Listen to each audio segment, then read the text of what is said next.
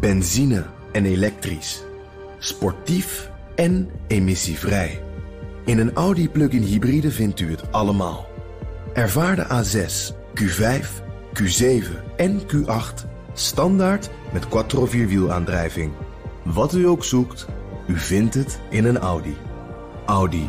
Voorsprong door techniek. De column van Bernard Hammelburg. Als ik binnenkort naar Polen zou gaan, moet ik waarschijnlijk voor drie jaar de bak in. Ik beweer namelijk dat een aantal Poolse burgers tijdens de Tweede Wereldoorlog fout was en dat het land dus mede schuldig was aan de Holocaust. Die bewering wordt in Polen strafbaar. Het is de waanzin ten top. Het krioelt van de bewijzen dat het antisemitisme in Polen voor, tijdens en zelfs na de oorlog, toen er zowat geen Jood meer over was, welig tierde. Er waren Polen die actief aan moordpartijen hebben deelgenomen of die de bezetter een helpende hand boden. Is dat zo vreemd? Nee, het gebeurde in alle landen die door Nazi-Duitsland waren bezet. In Nederland bijvoorbeeld had je de NSB, de vaak foute Nederlandse politie en mensenjagers die voor elke aangegeven Jood 7,5 gulden ontvingen, het zogenaamde kopgeld. Nederlandse politieagenten arresteerden Joodse en niet-Joodse onderduikers. Nederland en ook bijvoorbeeld Frankrijk zijn in de loop van de jaren veel eerlijker geworden over de rol van hun eigen land en bevolking. Dat is verstandig, want juist daardoor krijgen diegenen die zich hebben verzet een nog eervoller plaats in de geschiedenis. In alle bezette landen waren er helden, misschien wel nergens zoveel als in Polen. En behalve 3 miljoen Poolse Joden werden er ook 3 miljoen niet-Joodse Polen vermoord.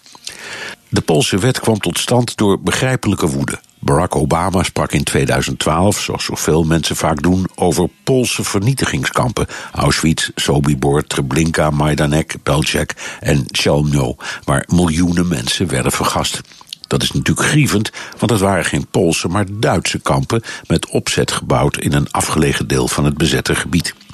Maar zelfs als elke Pool een held zou zijn en niemand de bezetter op welke wijze dan ook had geholpen, dan nog is die nieuwe wet krankzinnig. Als lid van de Europese Unie, een verbond van democratieën waarin de vrije meningsuiting een van de belangrijkste hoekstenen is, zet Polen een nieuwe stap naar de onttakeling van de rechtsstaat.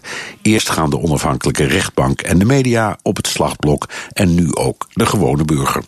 De laatste hoop is een veto van de president, maar de lont zit in het kruidvat.